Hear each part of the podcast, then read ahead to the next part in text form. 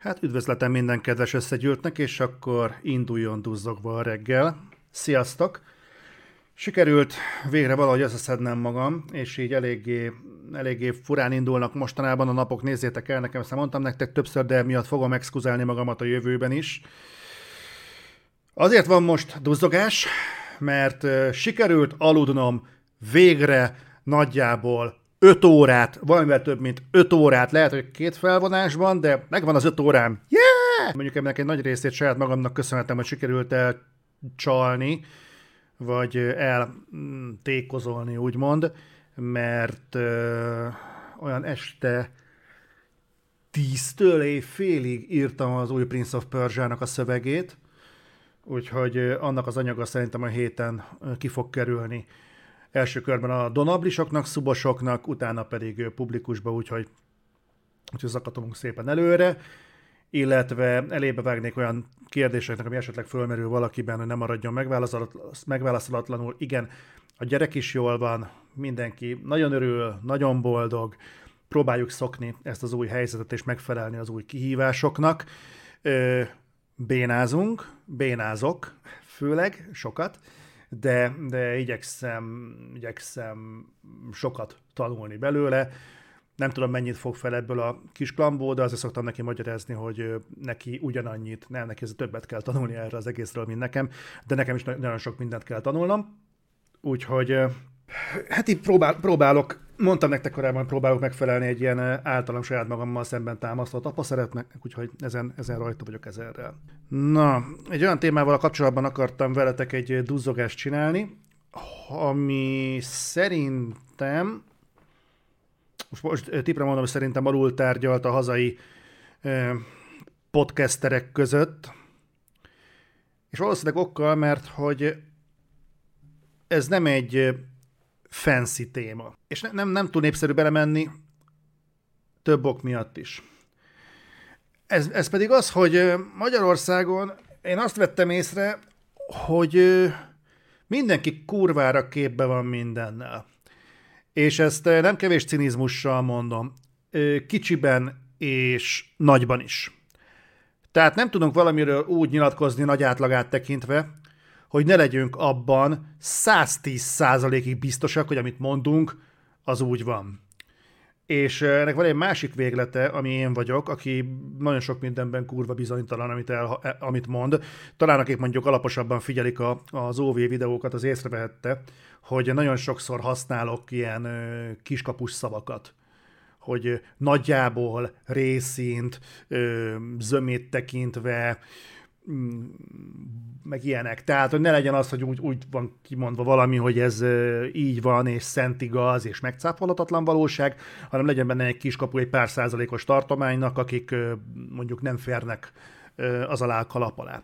Na most az hogy, az, hogy nekem vannak ilyen önértékelési problémáim, az egy dolog, viszont nagyon sok embernek nincs. És nem az a baj, hogy ezt úgy hordozzák magukban, hanem hogy ezt úgy kitolják a nagyvilágba, és, és kommentek formájában, és vannak kicsiben és nagyban. Mondok mindegyikre egy példát.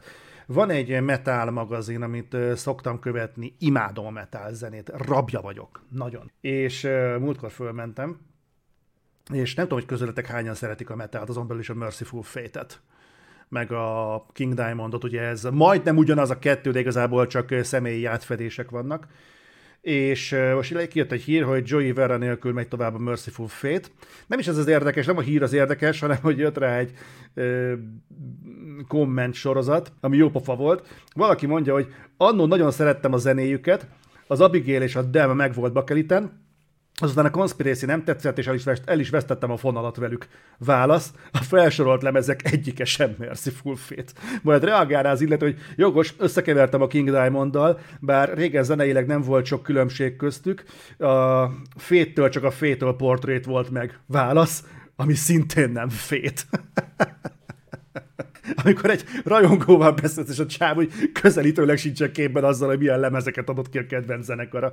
Na mindegy, szóval ez, ez az, amikor azt mondod, hogy kicsiben nincsen képben valaki, mert ez nem egy nagy tétel, tehát én ezen kurva jót szórakoztam, amikor tegnap megláttam, ma reggel felolvastam Adrinak, ő is marha jót szórakozott, és gondoltam, hogy ezzel akkor indítsuk a mai duzzogást.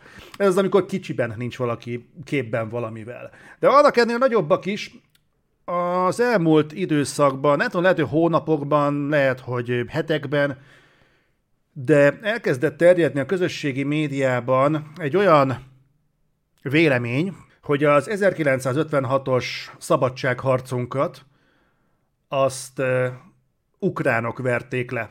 És nekem van egy olyan sandagyanom egyébként, hogy ennek a nézetnek a terjesztésében oroszlán része van a kurucinfónak, és tényleg olyan helyeken kapaszkodik meg ez a nézet, hogy, hogy komolyan kibaszott kellemetlen. Tehát a saját családomban láttam, hogy valaki hát neki állt berzenkedni az orosz-ukrán viszonyt, annak alapján megállapítani, hogy a kurva anyát az ukránoknak, mert ők jöttek be 56-ban és verték le a forradalmat. Mi van? És és tudod, ilyenkor mondom, hogy el tudok bizonytalanodni saját magamban, és vettem a fáradtságot, bazd meg, és utána néztem, és valakit egyébként még kurhatott rajtam kívül elég rendesen, mert a, a Quibit, illetve a 444 is publikált egy történésznek a cikkét, amiben konkrétan szerepel, hogy a szovjet hadsereg sosem etnikai alapon szerveződött, de olyannyira nem, hogy valamelyik ilyen balti államban volt is megmozdulás erre, hogy ez változzon, és a saját területükön a saját lakosaik lehessenek, ha már a vörös hadsereg, akkor legalább a sajátjaikkal legyen feltöltve. Tehát, és itt volt az, hogy a, a történésznek volt egy olyan, ez a publikációja, hogy nyilván nem tudta megmondani ő se visszamenőleg, pontosan kikből állt a, a vörös hadsereg, amikor bevonultak, viszont azt meg tudta nézni, hogy az a 707 katona, aki itt elesett, azoknak, az, azok hol születtek, annak utána ment és kiderült, hogy sokan voltak ukránok, de messze nem ők voltak többségben, tehát nagyon-nagyon messze nem voltak többségben. Csak ezek megint tudod olyan dolgok, hogy ha találsz egy ilyen hírt, hogy szembe jön veled hírt, egy ilyen állítást, ami szembe jön, akkor én úgy gondolom, hogy az elvárható emberi intelligencia beli minimum, hogy utána nézel. Legalább meggooglizod. Tehát legalább ezt a, ezt a kevés munkát elvégzed.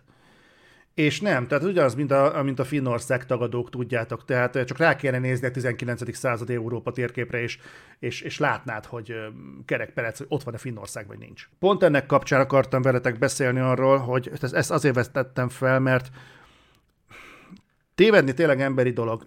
Viszont én kapásba kiúznám a mai beszélgetésnek a méregfogát egy állítással, hogy én nem szeretnék abban a szerepben tündökölni most, hogy én én képben vagyok a geopolitikai dolgokkal kapcsolatban, vagy hogy én pontosan tudom, hogy mi zajlik a közel-keleten, vagy Kínában, az Egyesült Államokban, én még az ukrán-orosz háborúval kapcsolatban is tele vagyok kérdőjelekkel.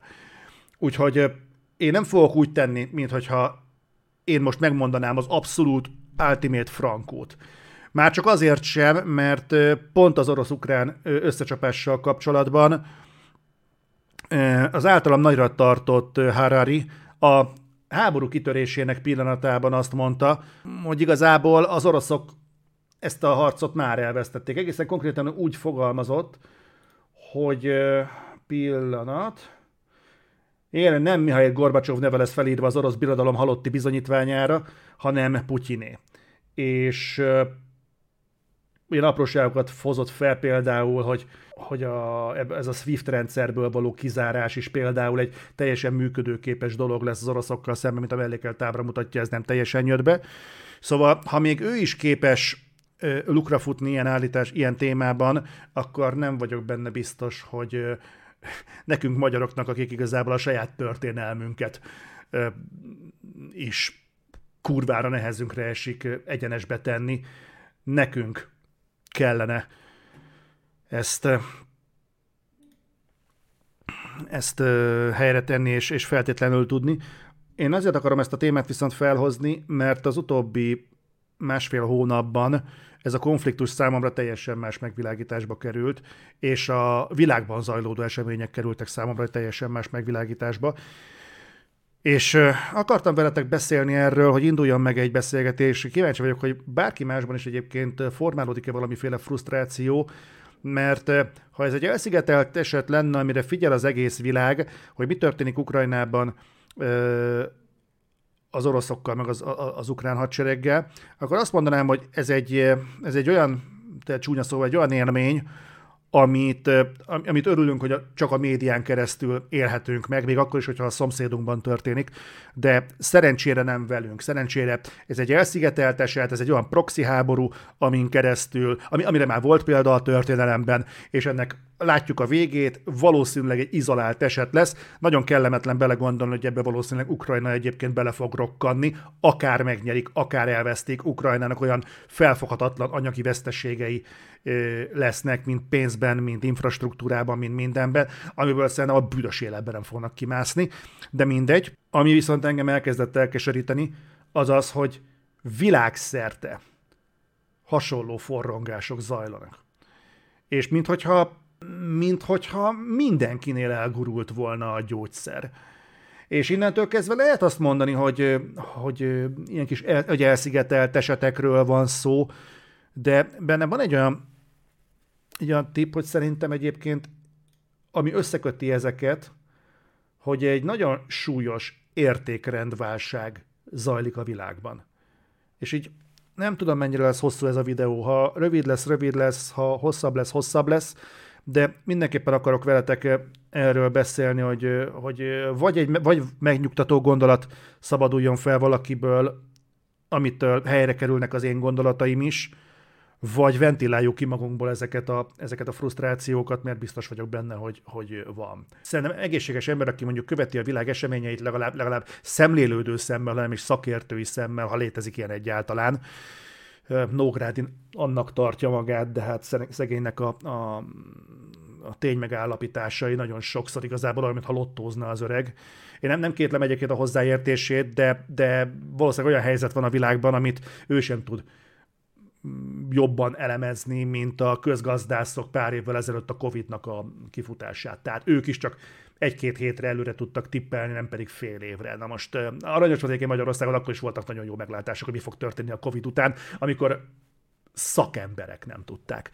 Na mindegy. Szóval itt van egyszer ez az orosz-ukrán dolog, én nagyon kíváncsi vagyok, hogy ebből mi fog kisülni. Megint csak mondom, az én kis béka perspektívámról beszélek, amit nem akarok ráoktrojálni senkire se, de én, amit látok, az az, hogy tök mindegy, hogy mi az Úristen lesz, hogy a, a, az EU meddig fogja ezt támogatni, tök mindegy, hogy az oroszok meddig fogják a saját csapataikat támogatni, viszont én attól tartok, hogy egészen egyszerűen elfogynak fogyni az ukránok. Tehát aki effektív harcolni tud, az az, az emberanyag, az nem fog rendelkezésre állni. Már most vannak olyan hírek, hogy nőket akarnak már besorozni, úgy, hogy jelenleg is nők dolgoznak olyan pozíciókban, amik tipikusan férfi pozíciók, például bányákban, meg kohókban, meg, meg ilyen helyeken.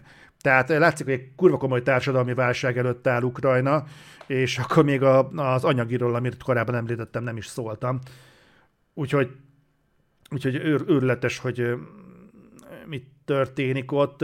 Ez szerintem olyan, hogy ilyen orosz rulettet, ha értitek, játszik most a, a világnak ezer, ezer része, ebben résztvevő része, abban, hogy kibírja tovább. És nem is orosz rulett, inkább kötélhúzásnak tűnik, hogy, hogy kibírja tovább, kibillen ki az egyensúlyából, és ki fogja átrántani a szemben lévő felet a saját tér felére. Mondjuk ez a hasonlat nem biztos a szerencsés, mert szerintem senki nem akarna a másik térfélre átmenni. Annak az egynek örülök, hogy itt az atombombával való riogatás az talán, talán, talán lufinak tűnik, mert azért az oroszok sem hülyék, tehát ők sem akarják ezt kiszélesíteni, és talán az önkényes mérvadóban volt erről szó, hogy valószínűleg az oroszok is csak akkor vetnének be ilyesmit, atombombát, ha a, te, egy támadóék az már felvonulna Moszkva határáig.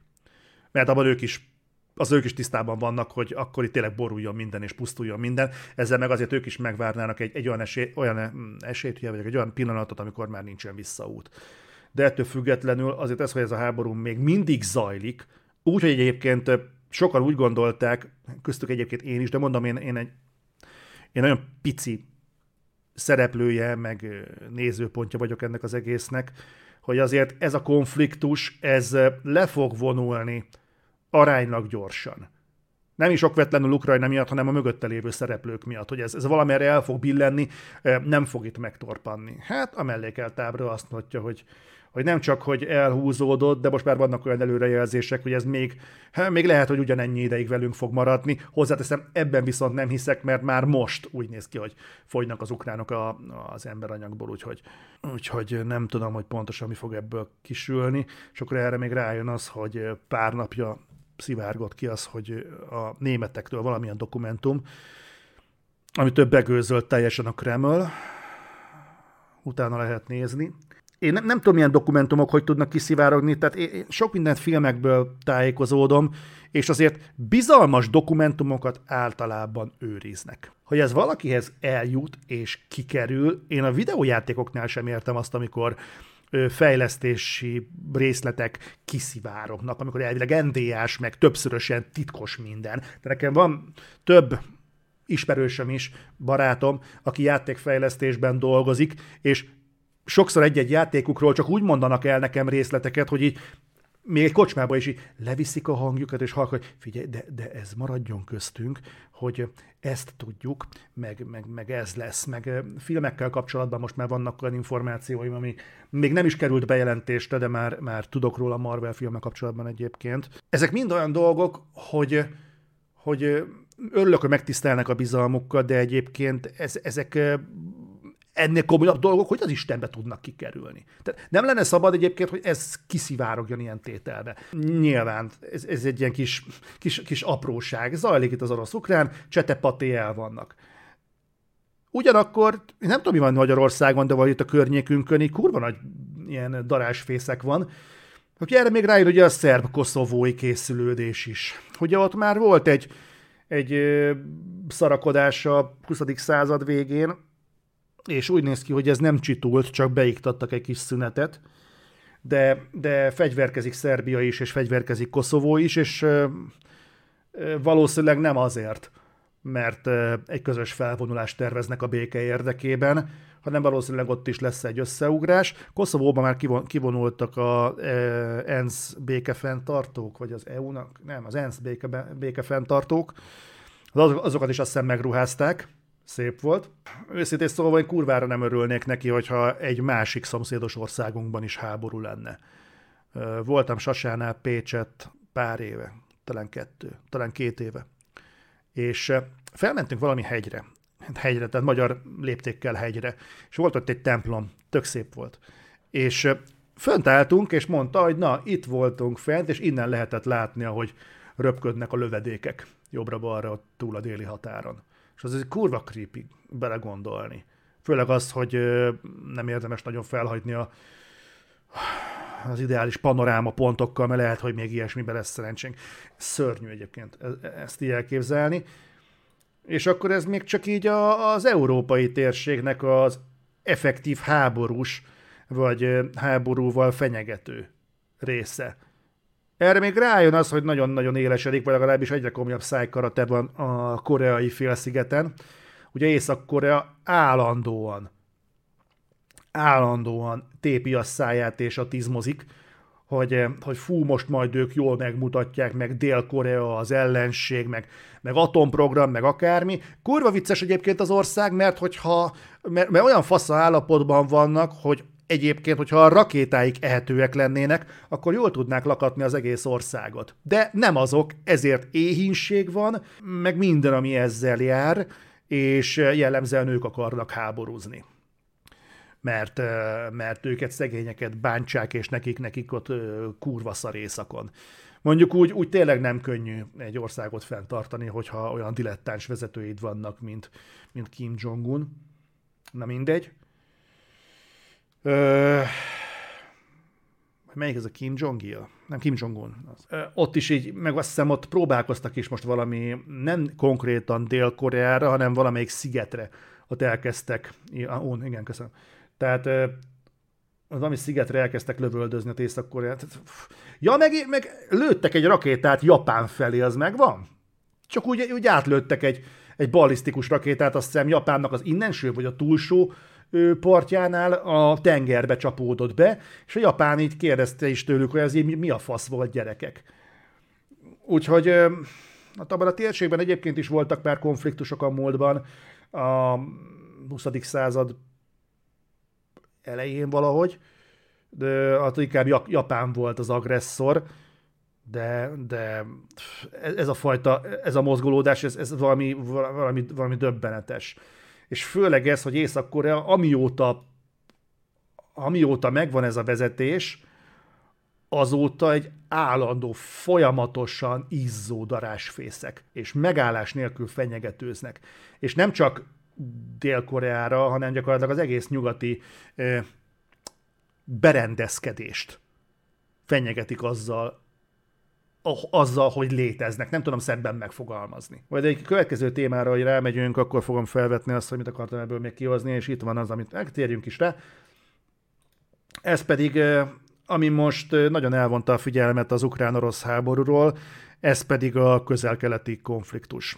Izrael, gázai övezet, a kettő csatárkozása kapcsán a vörös-tengeri blokkád, ugye, ami most létrejött. Én nem tudom, valahogy az a, az a konfliktus az, ami akárhányszor jön egy hír, nekem fel kell csapnom egy térképet, mert egyszer nem tudom földrajzilag, de, ez, de földrajzol mindig szar voltam. Tehát mondtam nektek, hogy én elment, elindultam Győrbe kocsival, és úgy voltam vele, hogy meg fogok Budapestről Győrbe, elmegyek kocsival, elmondom, jó, ezt beteszem a Behemoth albumot, és körülbelül mire az le fog járni, akkor meg fogok érkezni Győrbe. És kurvára meglepődtem, felénél tartott a lemez, és ki volt írva, hogy Győr, ez lefordulni jobbra. Mondom, mi a fasz? És kiderült, hogy összekevertem Győrt Sopronnal. Mindegy. És ez itt is megvan hogy mindig fel kell csapnom, hogy pontosan hol van Jemen, meg Irán, meg Irak, meg Afganisztán, meg Pakisztán, meg, meg, meg, meg ilyenek.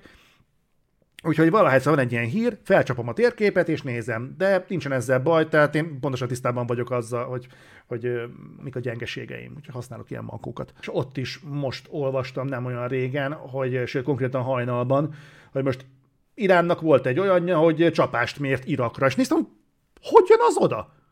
Elkezdtünk fellapozni. Ja, ja, oké. Tehát így most már mindenfele lövöldözünk, gyerekek. Tehát most már teljesen mindegy. Van egy kazar rakétánk, és hogy amit éppen nem Izraelre fogtatunk el, azt ellőjük a vörös tengeri hajókra, és ha még mindig maradt, akkor lövünk a másik szomszédra, mert miért ne? Vagy, vagy mi a tökönben? Mondom, nem vagyok képben azzal, hogy pontosan ott mi történik, de bazd meg, tehát azért ez egy kicsit talán durva eszkaláció, nem? Tehát arról, hogy Izrael neki ment a gázai jövezetnek, az, arra kitalálni, hogy akkor most ezen felbuzdulva Irán szarrá az összes szomszédos országát, az szerintem nem feltétlenül következik direkt egymásból, de mondom megint, hogy nem tudom, hogy ott mik a magasabb összefüggések.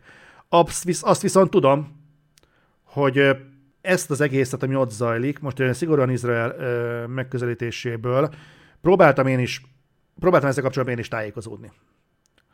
És felmerült egy olyan nézet, ha ezt kétféleképpen lehet értelmezni. Vagy az van, hogy mondjuk, hogy etnikai konfliktusként kezelik ezt a problémát, és akkor tekinthetjük a közel-keletnek úgymond a belügyének. Hogy ott van egy állam, csípi a, a palesztinoknak, meg a, annak a térségnek a szemét, és ott összeugranak, és ezt intézik egymás között, mindegyiket támogatja valaki, jellemzően Izraelt mondjuk az amerikai kormány, a palesztinokat, meg a többieket, meg Irán. Tehát lehet ezt mondjuk így kezelni, és akkor ezt, ezt csinálják, évtizedek óta zajlik ez a harc, most kapott egy újabb felvonást. Na de, mi van akkor, hogyha az összecsapás nem etnikai jellegű, hanem vallási és kulturális jellegű. Dacára annak, hogy teritoriálisan továbbra is az adott területhez köthető, látszólag, de a kulturális ütközőzóna az kiterjed Európára, kiterjed Amerikára, kiterjed nagyon sok mindenre, mert abból a térségből Izrael sokkal, az ott szereplő országok közül Izrael sokkal közelebb áll az európai értékrendekhez, mint, mint bármelyik másik ország. Viszont ebből a megközelítésből akkor Izrael nem csak a saját harcát vívja, hanem mondhatjuk, hogy a félvilágét. nagyon-nagyon nem mindegy, hogy hogyan értelmezzük azt a problémát.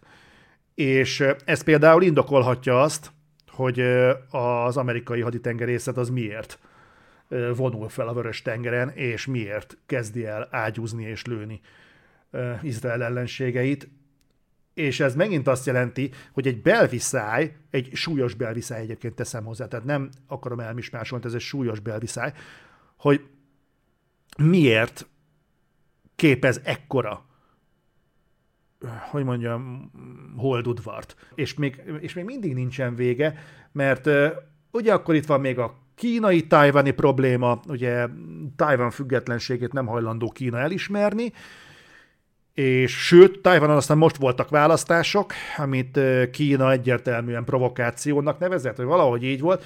Ugye Tajvan nagyon komoly mikrochip, meg nagyon komoly mm, gyártás van, meg know-how, meg ilyenek, tehát nyersanyag van, meg úgy egyébként szerintem egyébként inkább presztízs jellege van annak a, az országnak a birtoklásának, semmi bármilyen egy nyersanyagbeli, de, de mondom, nem vagyok tisztában ennek a múltbeli részével. Lehet, hogy egészen egyszerűen csak valami történelmi sérelem az oka annak, hogy Kína kacsingat erre az országra. Nyilván Tajvan nem azért létezik így magában, mert kurvára szeretne Kínához csatlakozni, Kínához tartozni.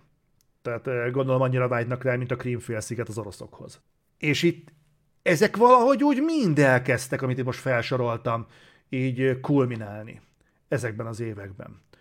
És ezeket így, ez, ez mint hogyha a történelem tengerén most ilyen hullámkorbácsolás lenne. Nagyon-nagyon rövid időn belül. És, lehet azt, és, és nem lehet ezt felhúzni egy olyan mintázatra, mint mondjuk a, a második világháborúban Európában, hogy, hogy megvetette a lábát egy olyan ideológia, amivel szemben, vagy mellett meghatározta magát, meghatározta magát minden ország identitása, fogalmazunk így. És valaki vagy elfogadta ezt az übermensch nézetet, vagy azt mondta, hogy hát akkor ezzel szembe helyezkedek. Itt nem ez van, én, én inkább azt látom, hogy, hogy inkább egy ilyen értékrendválság mentén zajlik ez a, húzódik meg ez a törésvonal, és mondom is, hogy miért gondolom ezt. Tehát érdemes megnézni, hogy, hogy mi zajlik megint csak mondjuk kicsiben és nagyban a nagyhatalmi területeken. Tehát én nem akarok tényleg nagyon messze menő következtetéseket levonni, de azért a tünetekre mindig érdemes odafigyelni. Tehát amikor megválasztanak egy Joe Biden-t Amerikában elnöknek, és persze Értem én, hogy mi volt az előzménye, mert senki nem akarta Donald Trumpot, senki nem akarja Donald Trumpot, ki a fasz akarja Donald Trumpot elnöknek. De azért az mégiscsak vészjósló, amikor Donald trump szemben a, a világ leghatalmasabb országának a társadalma, nem tudom hány 10 millió, vagy nem tudom milyen lakosú ország képes kiállítani egy Joe Biden-t, azért az ugye eléggé nyomasztó, nem? Tehát az amerikai hadsereg első embere a a vörös gomb fölött diszponáló személy. Ugye ott volt egy olyan elmélet, hogy valójában Kamala harris akarták volna váltani Joe Biden-t valamikor félidő környékén, csak aztán szegény Kamala Harris korumpálta magát valami hülye kijelentésével. Kiderült, hogy hát nem áll tőle túl távol a, a rasszizmus, azt meg hát nem nagyon lehetett felvállalni, mert hát Kamala Harris nem lehet rasszista, na mindegy. Aztán ez az egész valahogy nem jött be, és az egész demokrata tagozódás most már ott tart, hogy inkább ők is elküldenék Biden-t a Bush picsába.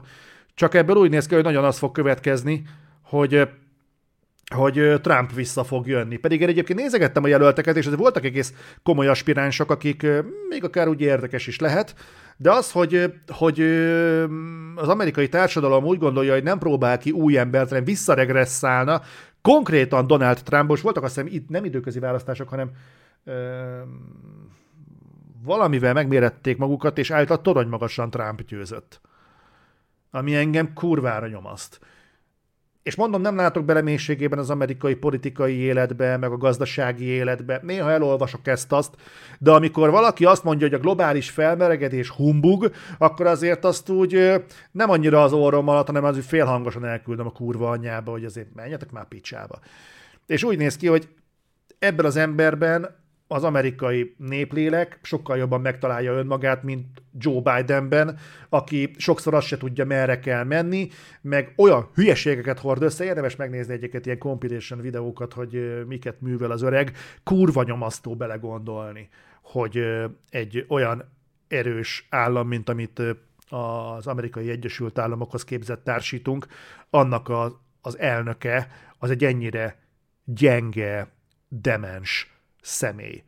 Az állatvilágban ugye vannak ilyenek, hogyha az alfa az meggyengül, akkor megjelennek a, a pozíciójára pályázók, és mm, evolúciós léptékkel nincs olyan régen a Földön az ember, mint, mint mondjuk a dinoszauruszok voltak, amikor kihaltak. Úgyhogy még bőven az állati ösztönök azok dominálhatnak. Na most, amikor egyébként is ilyen macsó kormányzás van nagyon sok területen, mert azért a putyini kormányzás ne tekintsük nem macsó kormánynak, meg azért itt Európában sem kell nagyon, nagyon a szomszédba mennünk, hogyha ilyesmit akarunk ö, találni. Tehát azért ezen a térségen nem csoda, hogyha az ösztönök előbb lépnek akcióban, mint a, a logikus gondolkodás. Pont egyébként ma találtam egy kurva jó idézetet, és ezt azért úgy, úgy megosztanám veletek, csak hogy legyen valami kis szellemi táplálék is a mai adásban.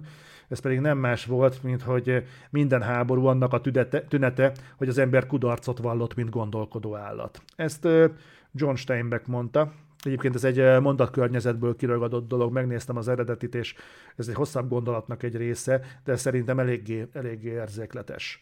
Ugyanakkor persze benne van az is, az, hogy ezt nagyon-nagyon nem szeretik sokan, mert, mert ilyenkor a szívükhöz kapnak a, a, a kismamák, meg a szülők, meg mindenki, hogy úristen, meg akarják ölni a gyerekeimet, de az, az igazság, hogy valóban van valami abban, itt, itt sokszor szoktunk hópihézni, meg vókozni, meg stb., de az igazság, hogy nem csak a hópihék, hópihék, hanem a, az egész társadalom még kicsit belekényelmesedett sok mindenbe. És ahogyan a, a halál tényét próbáljuk elhesegetni magunktól, úgy a háború tényét is próbáljuk elhesegetni magunktól. Vannak olyan nézetek, vagy társadalomtudományi, vagy filozófiai, vagy is nézetek, mely szerint a háború az a társadalomban egyébként egy nagyon is szükséges tisztulási folyamat része, amin ciklikusan egyébként át kell esni. És a történelem azt mutatja, hogy minél több idő telik el egy komolyabb háború, egy-egy háború között, annál komolyabb háború következik be. És és szomorú, de úgy néz ki, hogy mi emberek egyébként így vagyunk kódolva, hogy időről időre szükségünk van arra, hogy fegyvert ragadjunk, és szarrá lőjük a szomszédainkat. Van, hogy ezt mondjuk egyének élik meg, ezt mondjuk gyakran olvassuk az amerikai közbiztonsággal kapcsolatban, mondjuk a bűnözési rovatban, vagy mondjuk pár szinttel magasabban gondolnak ilyet emberek, mert ezeket nevezzük háborúnak. Egyébként volt egy idézet, nekem kurvára tetszett, hogy a háborúban megmondják neked ki az ellenfél, forradalomnál pedig tudod te azt magadtól is. De amit eh, visszakanyarodva akartam még kihozni ebből az egészből, az az, hogy eh, nem csak Trumpnak a, a visszatérése az, ami, ami baljós. Mert ez is lehetne egy elszigetelt eset. De azért eh, Argentinában is lement egy választás, ahol ez a Javier Milei nyert, ugye a láncfűrészes fasz. Kik lehettek ellene? Tehát mennyire lehetett szar a választék, ha még ez tűnt a legjobbnak. Másfelől már egy ideje tartja magát, hogy, hogy az embereknek kell a média élmény. És ha megjelenik egy ember egy kampányszöveggel, hogy fú, igen, az én programom az az, hogy csökkentem a munkanélküliséget, megnövelem a reálbéreket, kiterjesztjük a gazdálkodási lehetőségeket, adómentesség a, a, gazdák, a, a gazdáknak, meg hú, most itt kicsit szar a gazdaság, úgyhogy bevezetünk egy átmeneti merkantil politikát, és akkor majd, majd, majd, majd, majd fasza lesz, és akkor így összehozzuk a dolgot. Nem érti meg az átlagember. Tehát az átlagember, aki mondjuk Rosalindán, meg szappanoperákon, meg ilyen lófaszokon szocializálódott, egyszer csak meglát valakit, megjelent egy fasz láncfűrészsel a kezébe, hogy jövök, és majd letöröm az árakat. Tudják, egy tévésoppos fasz. Hogy le, levágom az árakat, és az ott leesett, azt már nem kell kifizetned. Ennyit kell csak kifizetned. Érted? Paraszt! Most én nagyon-nagyon sarkítom a dolgot, de egyébként nagyjából ezen a színvonalon mozgott a Faszinak a, a kampánya, ezzel kapcsolatban Potyondinak a videóját érdemes megnézni, mert már egy ideje nem követem a, a nőt, mert rettenetesen negatív. Tehát egy, idő, egy időben faltam a videóit, tetszett a stílusa, de amikor minden egyes videója arról szólt, hogy magyarnak lenni egyébként szar, mert legyen szó a nem is annyira a magyarnak, hanem hogy minden ünnepünk szar. Tehát fasság a karácsony, fasság a szilveszter, fasság a húsvét, fasság a Valentin nap, minden. És akkor ugye ember hogy elgondolkodik, hogy te figyelj, kell ez nekem. Tehát nekem, nekem az úgy sok volt, viszont ezzel az argentin elnökös dologgal kapcsolatban eléggé érzékletesen mutatja, hogy mi lehet a baj. És akkor, hogy legyen egy pici keretes szerkezetünk, ezzel a lendülettel visszatérnék Európára. Nekünk egyébként az Európai Unión belül igazából azért szar néznünk az ukrán-orosz konfliktust, mert egyébként az Európai Uniónak még háborúra sincsen szüksége ahhoz, hogy átéljen egy jó kiadós válságot. Ugye ez nagyjából már egy jó ideje tartja magát, aki figyeli az ilyesmit, hogy az Európai Unió gazdasági motorját főleg a németek adják. Azon belül is a német autóipar. Vannak olyan nézetek, ami nem tudom mennyire konteó, de nem lepne meg, hogyha így lenne, hogy pont a német autóiparnak az európai ö, gazdasági vérkeringésben betöltött szerepe okán a németeknek olyan lobby erejük van Brüsszelben, ami, ami egészségtelen túlsúly. De igazából senkit nem zavart, mert végül is a rendszer az működött. Na most úgy néz ki, hogy jönnek be a kínaiak, és ezt kurvára érzi a német autóipar. Nem csak azt, hogy jönnek a lényegesen olcsóbb kínai autók, meg hogy a Tesla letörte az árakat, nem tudom, nézegettetek-e mostanában autóárakat, de azt is, hogy mivel nagyon sok chipet, meg elektronikai bizbaszt gyártanak Kínában, Kína megteheti azt egy konfliktus esetén, például ami Oroszországgal zajlik, és Kína úgy gondolja, hogy hm, neki nem sok azonosulási pontja van azzal az Amerikával, amelyik egyébként bolykottot hirdetett ellene, ez egyébként pont Donald Trump volt, meg azzal az Európai Unióval szemben, aki nek ekkora nem, de azért más fasságai voltak, például ugye be, betartottak a Huawei-nek, meg ilyesmi, hm, és akkor ez csak egy pár eset, hogy kitalálhatja azt, hogy te figyeljetek már, szerintem nektek nem kell annyi chip, mint amit rendeltek. Konkrétan én voltam egy olyan öm, autóátadási eventen, az autó még mindig nem érkezett meg Európába, de ott volt a kínai nagy, nagykövet, és ő egyébként tök nyílt kártyákkal játszott, és elmondta, hogy ők úgy gondolják, hogy a saját autójuk az azért lesz népszerű az európai piacon, mert egyébként szerintük jó áron fog érkezni, de, de főleg azért, mert míg mondjuk egy átlag német autót, egy hasonló kategóriás német autót, ha meg akarsz venni, akkor azt három hónap lesz, amíg leszállítják, mert várniuk kell a németeknek a kínai alkatrészekre. Ők a sajátjukat le tudják szállítani egy hónap alatt. Ebben burkoltam, benne volt minden. Mondom, ott ültem, hallottam, belesuttogta a tolmács ö, szarba, ami ott volt a fülemen fordítókészülékben, ezt a szót kerestem. Ez, a, ez azért nagyon érdekes, nem? Tehát a globalizmusról nekünk volt eddig egy ilyen fogalmunk. Azt, hogy a, a globalizmus ugye nagyon-nagyon tankönyv jellege azt jelenti, hogy minden mindennel összefügg. Globális disztribúciós és gyártóhálózatok vannak. Ezt gyártjuk itt, mert olcsóbb és jó. Azt gyártjuk ott, mert olcsóbb és jó. Végül összeállítunk valamit, létrejön egy termék, és ez mindenkinek jó lesz, és mindenkinek hozzáférhető lesz. Valójában egyébként ennél egy kicsit hogy mondjam, valódibban értelmezve ezt a jelenséget, ez azt jelenti, hogy fogjuk magunkat, és a globalizmusnak vannak haszonélvezői, és vannak úgymond beszállítói. És akkor kurva, kurva polájtól fogalmaztam, mert nem azt mondtam, hogy vannak elnyomói és kizsákmányoltjai, hanem azt, hogy ilyen kicsit emelkedettebb ennek az egésznek az összképe. És az jellemzően az volt, hogy mondjuk Európa és Amerika veszi a sok szart, meg hulladékot, amit legyártat majd Kínával, Kína majd megoldja a sok szemetet, ahogyan akarja, és mi visszük oda a know-how-t, ők meg legyártják, elvisszük a dolgokat, és mi itt megteremtjük magunknak a nyugati mércével mért jólétet. Na igen, ám, csak ezt a globalizmust ki lehet ám úgy használni, ahogyan egyébként a kínaiak kurva megtették, kitalálták, hogy ez a csatorna egyébként oda-vissza játszható. Tehát ha ők úgy is gyártanak már jó minőségű terméket, és a know-how már ott van, és egyébként tanulnak, akkor mi lenne, hogyha ők legyártanák a saját cuccaikat? És tényleg, nem tudom, néztétek-e például a Xiaomi-nak az autóját? Vagy néztétek-e a Huawei-nek az autóját? Vagy ha már itt tartunk, a cesenként volt a Sony-nak az autója. Egyébként kurva vicces volt, tehát a belső műszer, a műszerfalon Fortnite reklám ment. És akkor rájöttem arra, hogy tényleg az egyébként kell ez nekem? Tehát tényleg mondjuk vezetés közben Fortnite reklámot akarok nézni?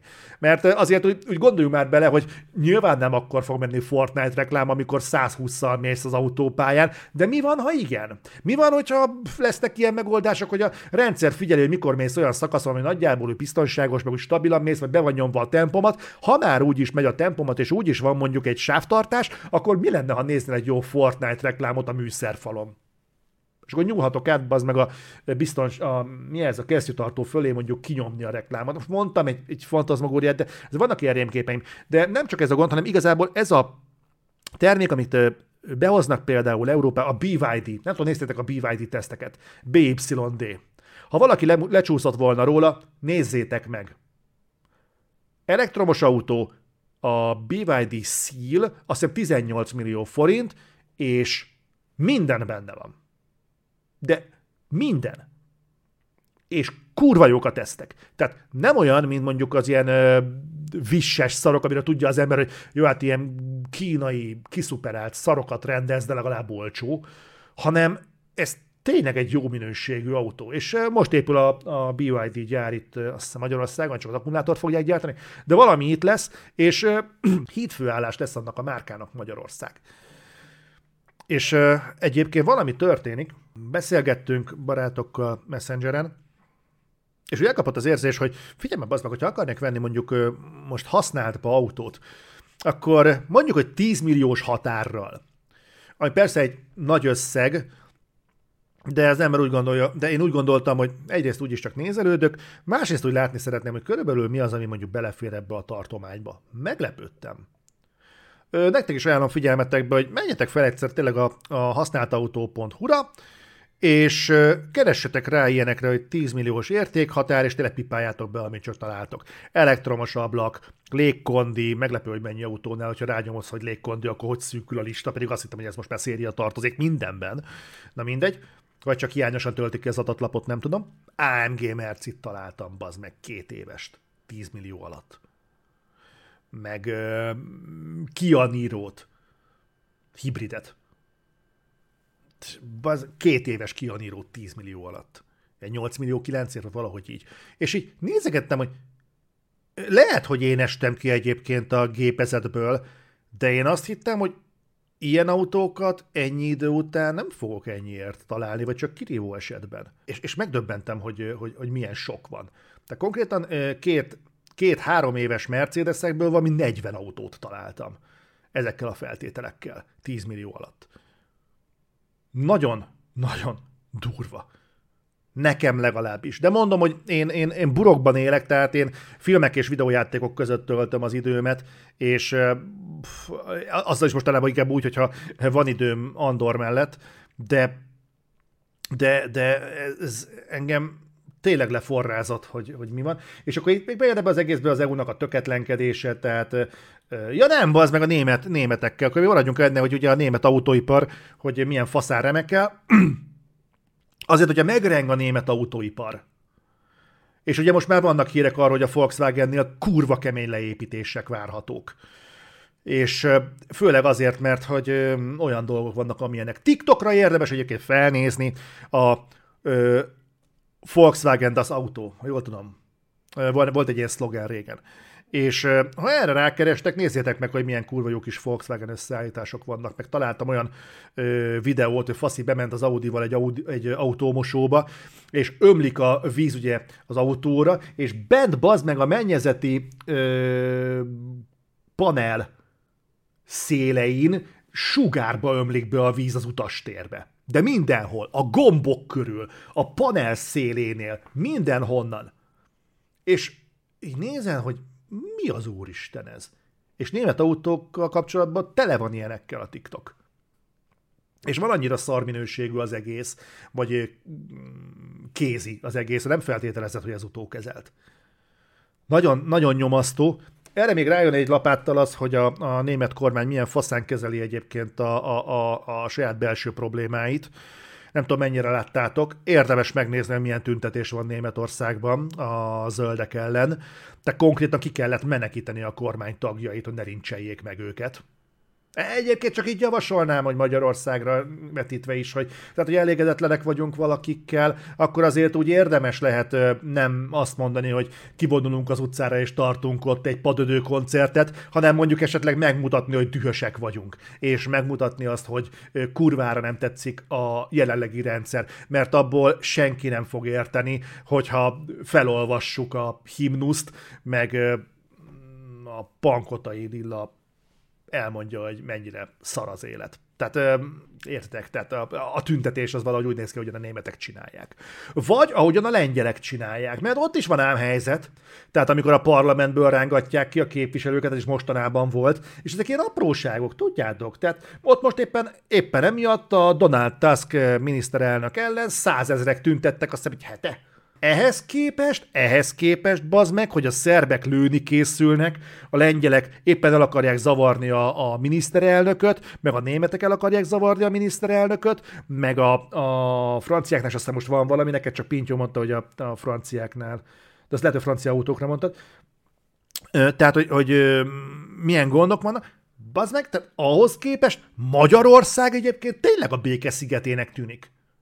Tudjuk pontosan, hogy milyen problémák vannak, de kívülről nézve, gyerekek, hát nem csodálom, hogy nagyon nem tudnak mit kezdeni az itteni állapotokkal, mert, mert tényleg úgy nézhet ki, hogy itthon aztán tényleg minden kurvára rendben van. De olyan szinten rendben van, hogy még Brüsszelnek is képesek vagyunk neki menni. Tehát ez a szabadságharcos mentalitás, ez így szerintem kurva sok, sok embernek szimpatikus, hogy mazeg nálunk nincsen semmi, nálunk nem harcolnak ezzel ellen az egészen, de igazából, hogyha nem jönnek az uniós pénzek, akkor is tök jól el vagyunk látszólag.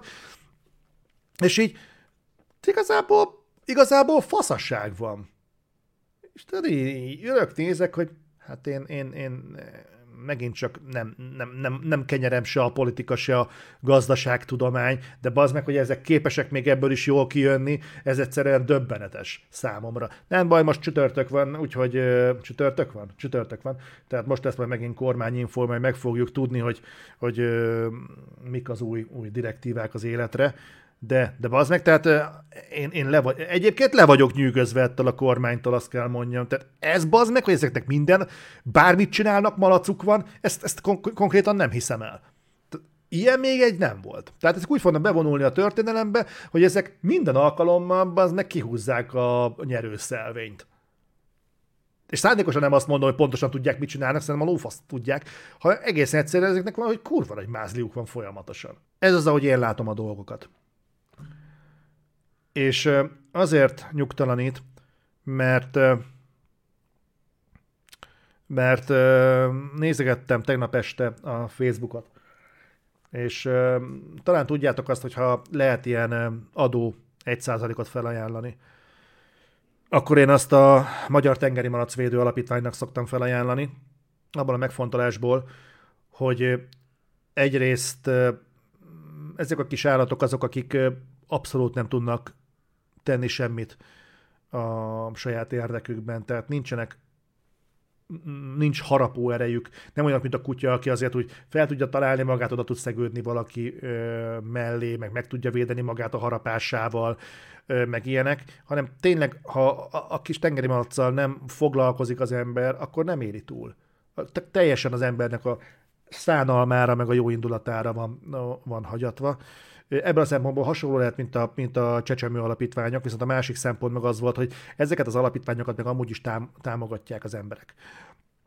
Tehát igazából nem az én egy százalékomon fog múlni, és úgy gondoltam, hogy ezt, ezt, ezt így tartom, viszont ettől függetlenül pont este szembe jött velem egy, egy ilyen nagyon-nagyon tragikus, nagyon nyomasztó poszt, egy, egy újszülött csecsemő volt rettenetesen is szarrá csövezve. De csőlógott az orrából, csőlógott a szájából, a lábaiból, ilyen, ilyen lábai tűk voltak berakva, és ilyen vérvét, nem tudom, nem tudom, mi történt szegényen, nem olvastam el a, a posztot hozzá, mert a képek is pont kurva nyomasztók voltak. De ennek kapcsán jutott eszembe, hogy egyrészt hát nagyon örülök, hogy a, a saját gyerekemet nem kellett ilyen állapotban látnom ennyi idősen, később sem szeretném, és pont azért, mert később sem szeretném, rohadtul örülnék neki, hogyha a világ nem destabilizálódna ilyen mértékben. De viszont pont azért, mert ilyen mértékben van destabilizálódva, egyszerűen nem tudom elképzelni, hogy jön egy Henry Kissinger, akinek egyébként sok mindent a számlájára lehet írni, hogy miket művelt, és hogy a a vietnámi háborúban milyen bombázásokért volt közvetl- közvetlenül felelős. De, de azt is hozzá kell tenni, hogy talán a világ történelem legnagyobb formátumú külpolitikai szakembere volt, aki még száz évesen is ö, osztott tanácsokat. Mindent lehet relativizálni persze, de én most nem nagyon tudom elképzelni, hogy színpad, színre lépne egy hasonló formátumú figura, és, és helyre tenni ezt a káoszt, ami Kínától és Észak-Koreától kezdve egészen mondjuk a szerbiai térségig az egész világot sújtja. Most, most csak ezt a tengelyt mondtam. Lehet ezt sokféleképpen nézni, és, és tudom, hogy vannak olyanok, akik úgy gondolják, hogy majd, majd szakértői minőségben tetszenek, mert tudjátok, van ez a hülyeség, hogy, hogy ha nem tudod, hogy mi a helyzet a világban, akkor majd én megmondom. Jungnak volt ez a, az állítása, hogy a világ megkérdezi, ki vagy, és nem tudsz rá válaszolni, akkor majd ő megmondja. És hát, aki, aki érti ezeket a hát félig meddig metaforikus állításokat, az, az tudja, hogy ez mit jelent. Tehát ha ha, ha, ha tanácstalan vagy, akkor majd megjelenik valaki. Aki, aki ad kalácsot, az a tanácsot, tudjátok. De itt nem, nem annyira a, a kalácsadás a lényeg, hanem az, hogy, hogy nagyon sokan szeretnek diszponálni ebben a pozícióban. A lényeg az, hogy nagyon kíváncsi vagyok arra, olvasgattam egyébként itt közben a chat falat, csak nem akartam elmer, elmélyedni benne, mert most már abban a korban vagyok, hogyha elkezdek valakire figyelni, akkor magamra nem tudok figyelni, tehát elvesztem a fonalat és mindenképpen ki akartam, ki akartam adni magamból ezeket a gondolatokat, vissza fogom nézni majd a chat falat és el fogom hát el fogom tenni magamba azokat a gondolatokat, amiket ide beraktatok, úgyhogy ezek nem vesznek el, velem maradnak és velem lesznek. Én nagyon szépen köszönöm az időt, amit velem töltöttetek. A YouTube-on azok, akik visszanézik ezt a videót, nekik is javasolnám, biztatnám őket, hogy osszák meg a véleményüket, hogy ők hogy látják ezeket a dolgokat, hogy mi az, amit reménysugárként látnak ebben, és hogy hol látják a globális helyzetet mondjuk tíz éven belül. És amíg ezen kattog mindenki, addig én ismételten megköszönöm a figyelmet. A reflektorokkal kapcsolatban van egy kurva jó tervem, de nem fogok előre szaladni, mert nem akarok utólag magyarázkodni, de az a terv, hogy hamarosan azért ezzel lesz egy, ez lesz egy lendület, és, és be lesznek vonva még arcok. Na tessék, csak elmondtam valamit. Még egyszer köszi a figyelmet, további jó munkát és jó sulit kívánok mindenkinek, aki ezeket nyomja. Figyeljétek majd a Otherworld csatornát, mert hogyha lesz reggeli duzzogás, akkor arról bejelentés nélkül fogtok értesülni. Egyszer csak elindul az adás. Sziasztok!